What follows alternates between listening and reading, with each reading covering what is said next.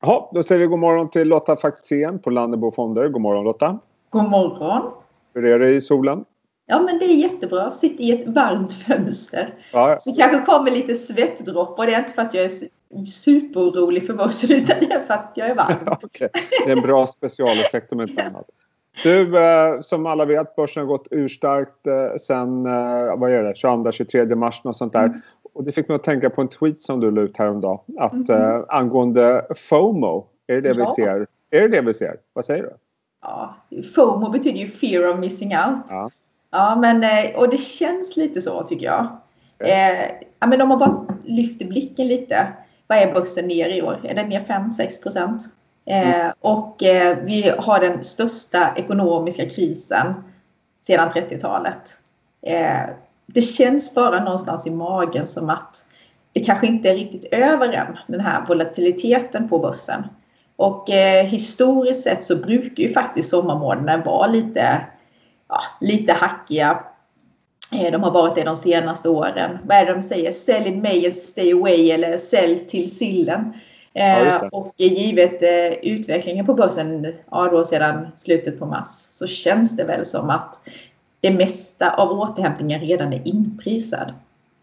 Samtidigt så ser vi ju lite bättre makro, visserligen från låga nivåer. Vi ser eh, samhällen som börjar öppna upp. Jag såg häromdagen att tyska bokningar på restauranger är tillbaks på där det var innan början. Är det inte lite motiverat ändå med lite FOMO? Är det här jo, men, jo, men självklart. Men eh, det som jag, jag tycker att, jag tror att det kommer vara så här. Vi kommer ju liksom initialt ha en V-formad återhämtning. Vilket inte är så konstigt för att om allting är stängt och man börjar öppna upp, då är det ju klart att eh, makroindikatorerna går bra och att om man, en restaurang går från noll intäkter till eh, ja, till intäkter, då blir det ju en väldigt kraftfull återhämtning. Men det som jag sitter och funderar på mycket nu, det är ju som vad händer efter de här öppningarna är gjorda? Eh, liksom hur kommer konsumentbeteendet se ut? Kommer man köpa samma grejer som man gjorde innan? Eh, detta är ju faktiskt första gången eh, som vi har haft en pandemi, trots att vi haft några pandemier det senaste Eh, de senaste decennierna med både fågelinfluensan, svininfluensan eh, så är det ju denna som faktiskt stort har orsakat så stora stängningar och påverkat folks hälsa så att man kanske får sig en tankeställare kring hur man konsumerar, vart man reser och så, eh, vilket vi inte riktigt har haft innan. Man kanske kommer köpa andra saker givet alla de här stimulanspaketen som har kommit från olika länder eh, och att bolagen har ju förlorat massvis med intäkter under den här perioden, eller många bolag, kanske inte alla. Eh, men så världen kommer ju vara fattigare efter det här. Om ekonomin inte kommer igång, hur mycket resurser kommer det finnas att stimulera? Det är väl mer sådana saker som man sitter och tänker på nu än vad som ska hända på börsen den kommande månaden eller två. Men, men eh, utifrån det, jag håller med, vi måste blicka lite längre framåt. Men nu känns det ändå som att den stora diskussionen, hur blir sommaren? Vissa menar att ja, men det är lägre likviditet, det kommer inte hända så mycket. Q2 är inprisade, att de blir usla.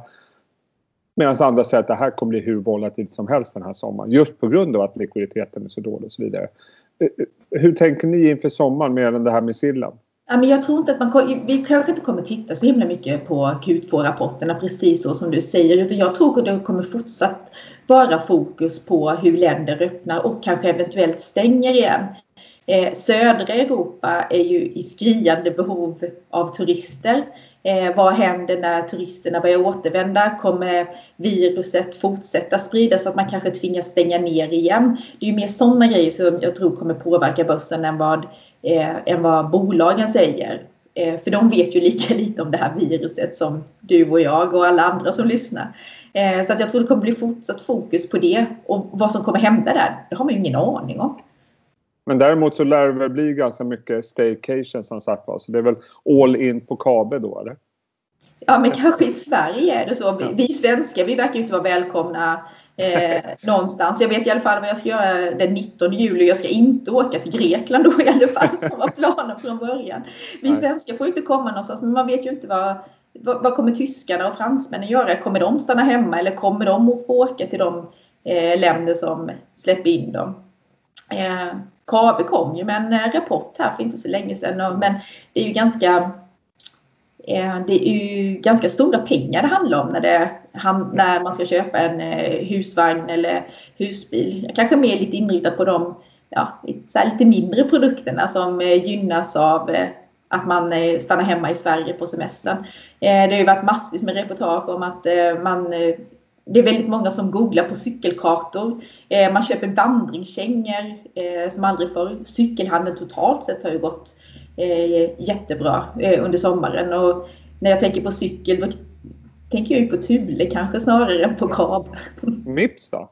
En sån, eh, de här cykelhjälmarna? Ja, ska man cykla så måste ja, man ju, ska man cykla, ha det. så måste man ju ha en hjälm om man inte hade det innan. och du, jag tänkte på en annan sak som eh, har flitigt diskuterats här under våren i takt med att makrot har blivit lite bättre. Det är den här eh, härliga och älskade grafen value mot growth.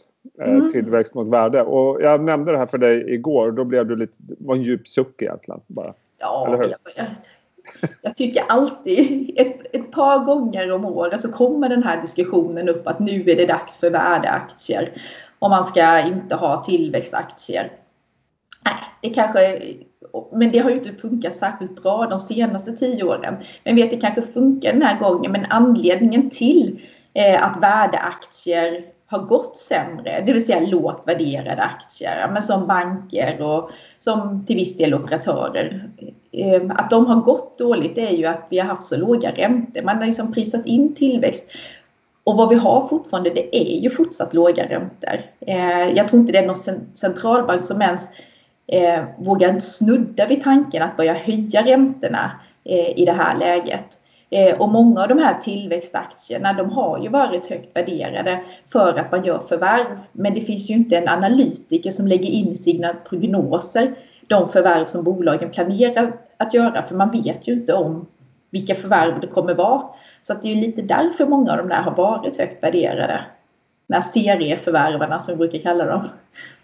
Och, och, du nämnde innan här att ni tittar mycket på hur det kommer se ut efter den här pandemin mm. eller när det började ner sig. Då nämnde du en sektor och det var liksom hälsosektorn. Men jag förstod det som att det inte var liksom läkemedel, biotech och den här typen utan mer om människors allmänna hälsa. Nej men jag tror faktiskt att eh, alltså alla vet ju att det är nyttigt att motionera och att äta bra. Men eh, det har ju faktiskt visat sig att eh, de personer som är vid ganska god vigör. De har ju klarat den här influensan bättre än sådana som har mycket sjukdomar och framförallt sådana som har kanske lite välfärdssjukdomar. Ja. Så jag tror faktiskt att det kommer bli ett helt annat fokus på hälsa efter det här. För att nu har det ju verkligen visat sig att håller man sig frisk, eh, eller man kan ju inte alltid rå för att man blir sjuk, men om man gör sitt bästa för att hålla sig så frisk som möjligt, då är man ju mer motståndskraftig mot sjukdomar. Och nu har man ju faktiskt fått det här svart på vitt också. Så jag tror att folk kommer nog tänka lite mer på sin hälsa och man kanske, nu när det varit så mycket som varit nedstängt, man kanske inte har velat besöka, besöka köpcentrum, biografer har varit nedstängda.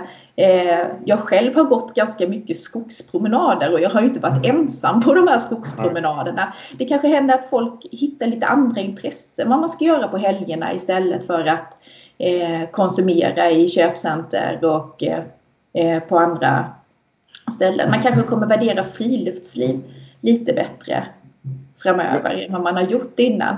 Eh, och då kan man ju som lyfta upp bolag som Sats som eh, ja. noterades i Norge på norska börsen tidigare i år.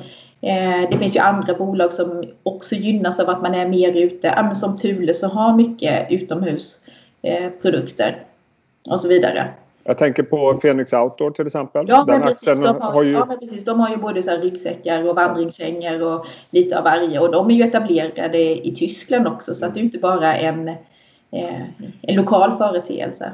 Och de har ju gått ganska dåligt de här aktierna om jag tittar på Sats och Actic och Fenix och så vidare. Ja, men precis. Att, eh, Sats har ju gått dåligt för att de finns ju i Norge, Finland och Danmark också och där är ju gymmen. I Norge har man väl börjat öppna upp lite. Men i Danmark säger de ju nu att eh, gymmen ska vara stängda eh, till augusti. Och eh, det får man ju se hur det blir. Så att det, det här nedstängningarna har ju varit jättedyra för Sats. Och man kommer säkert att tappa en del kunder initialt medan det är fint väder ute. Men sedan när det blir oktober och november då kanske det inte är så himla kul att stå vid det där utegymmet utan man längtar lite efter kettlebellsen inne i gruppträningssalen istället. Ja, tala för dig själv, men ja. eh, absolut. du, eh, avslutningsvis, eh, jag vet att du kikar mycket på hållbarhet. Eh, hållbarhetsaktier har ju faktiskt eh, generellt, nu, nu generaliserar jag här, men, men gått ganska bra under den här pandemin. Jag tänker till exempel ja. på Tomra och Nibe som var mm. högt värderade innan men har gått jättebra. Varför De är väl att... tillbaka till nivåer innan eh, pandemin ja. bröt ut ordentligt. Och, Var, varför tror du det? Nej, men jag tror att eh, innan har man ju alltid varit så här. Tidigare har det ju varit så att när ekonomin går dåligt, ja, men då hamnar miljöer och sådana frågor på undantagstillstånd för att man vill inte investera i det. Men vad man har sett nu det är ju att man tar ju faktiskt de här miljöfrågorna på allvar och fortsätter att investera i grön el och så eh, och så vidare. I Frankrike så annonserade ju Macron ett så här cash for clankers program, det vill säga man får byta ut eh, eh, bilar, men inte byta ut, men man får stimulanser till bilar, men då ska det vara eh, energisnåla bilar.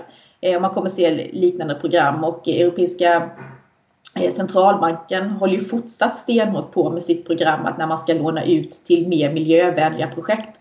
Eh, så jag tror, tror att en följd av det är att man ser fortsatta investeringar i bättre miljö.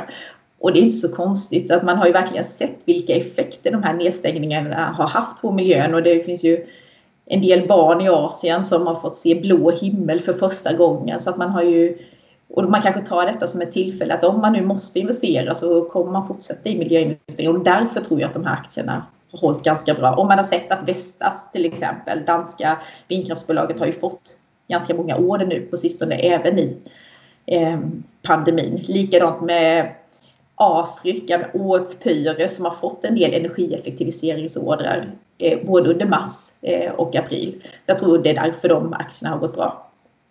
Ja, jätteintressant. Eh, du, eh, tack för det här samtalet. Det var tack. kul tycker jag. Och eh, se till att ge dig ut i solen lite grann. Jag hoppas ja, att du har tid till det. Och läs alla spännande böcker som du har där bakom dig. ja, alla Läckberg-böcker. ja, precis. Sköt om dig och tack för att du var Ha det bra. Ha det bra. Hej då.